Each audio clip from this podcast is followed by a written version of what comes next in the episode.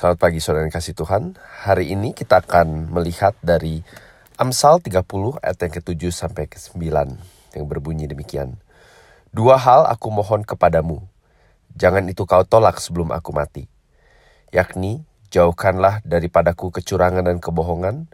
Jangan berikan kepadaku kemiskinan atau kekayaan.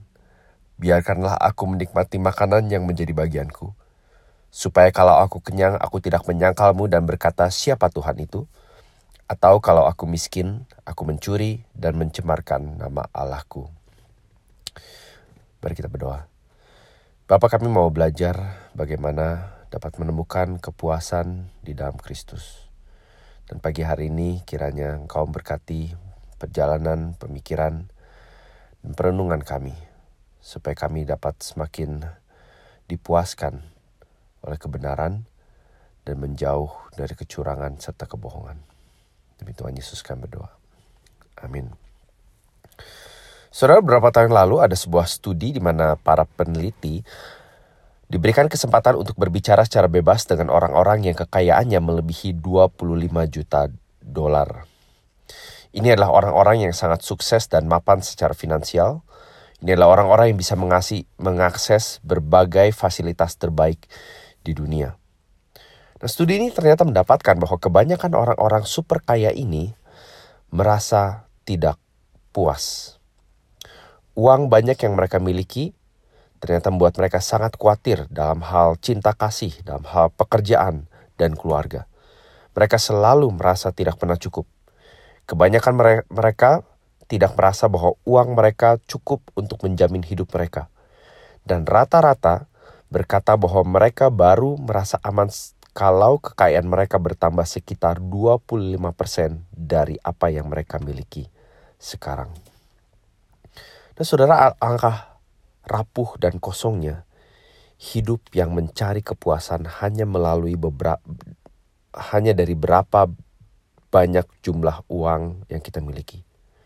Dan Alkitab berulang kali menggambarkan kekayaan sebagai perangkap yang bisa membinasakan orang yang mengejarnya tanpa akhir.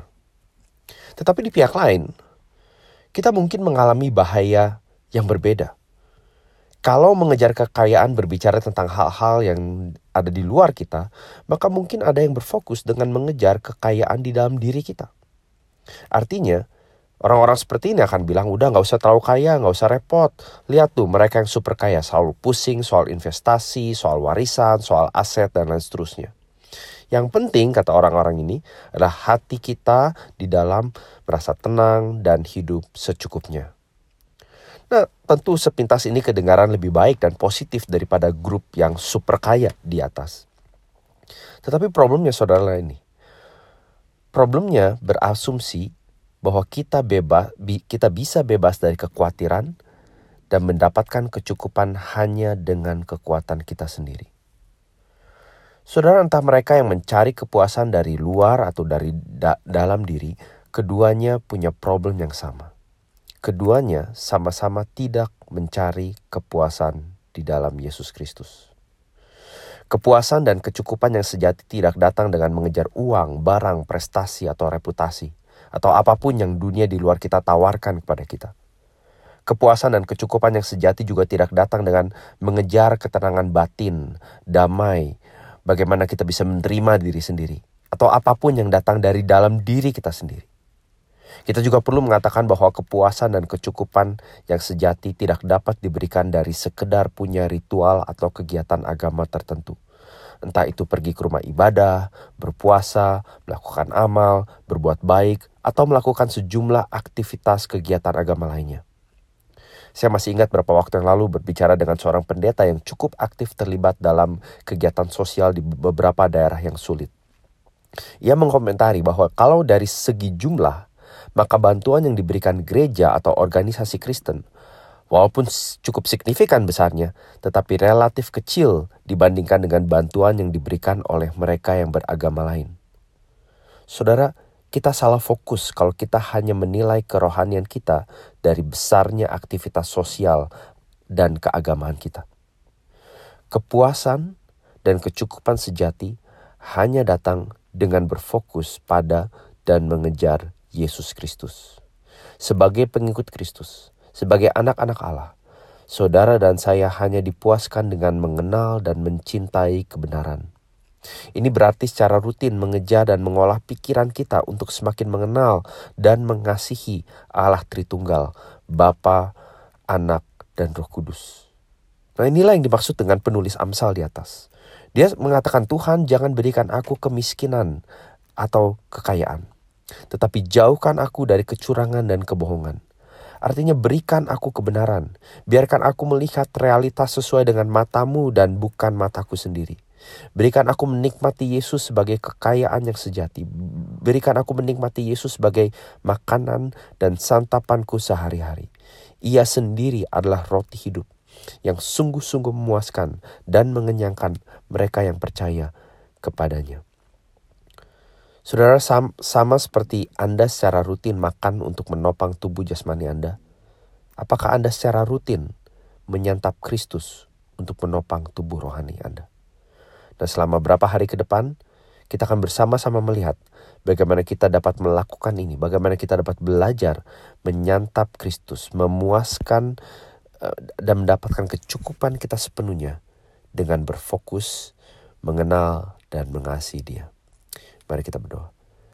Bapak dalam surga hari ini kami bersyukur sekali lagi diingatkan bahwa Engkau memanggil kami untuk mendapatkan kepuasan dan kecukupan yang terdalam di dalam dirimu sendiri melalui Kristus anakmu.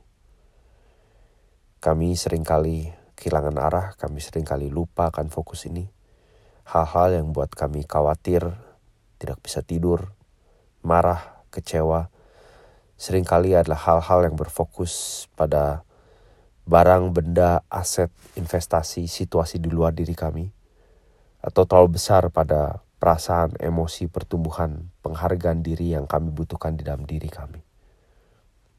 Tuhan, kalau kami hitung-hitung, berapa sering kami khawatir dan peduli akan cinta kami terhadap Engkau Berapa sering kami memikirkan atau dengan sengaja mendedikasikan waktu untuk mengenal, untuk mendalami, dan untuk memuji Engkau di dalam Kristus. Dapat sering kami memfokuskan pikiran kami pada anugerah dan kebaikan dan kemurahan-Mu. Dapat sering Bapak kami menyempatkan waktu untuk mengenal-Mu dan berdoa dan bersyukur. Kami harus mengakui bahwa kami lebih sering mengeluh, kami lebih sering mengasihani diri sendiri, kami lebih sering membanding-bandingkan diri kami dengan, orang lain. Kami sering kali membiarkan diri kami berputar-putar dan berkutat di masalah kami sendiri. Dan melupakan fokus dan kepuasan dan anugerah yang terbesar yang manusia dapat miliki baik di, di dunia ini maupun di dunia yang akan datang, yaitu Yesus Kristus. Dan hari ini Bapak kiranya ini boleh menjadi permulaan atau penyegaran bagi beberapa dari kami. Untuk kembali berfokus dan mengejar dia. Yang di dalam namanya kami berdoa. Amin. Terima kasih saudara sekalian.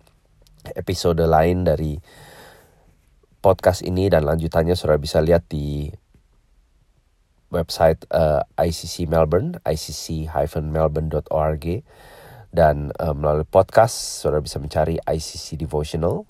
Kalau saudara ada pertanyaan atau komentar atau masukan dapat uh, mengirimkannya melalui WhatsApp uh, plus 61 405 459 atau email christian.tirta at gmail.com.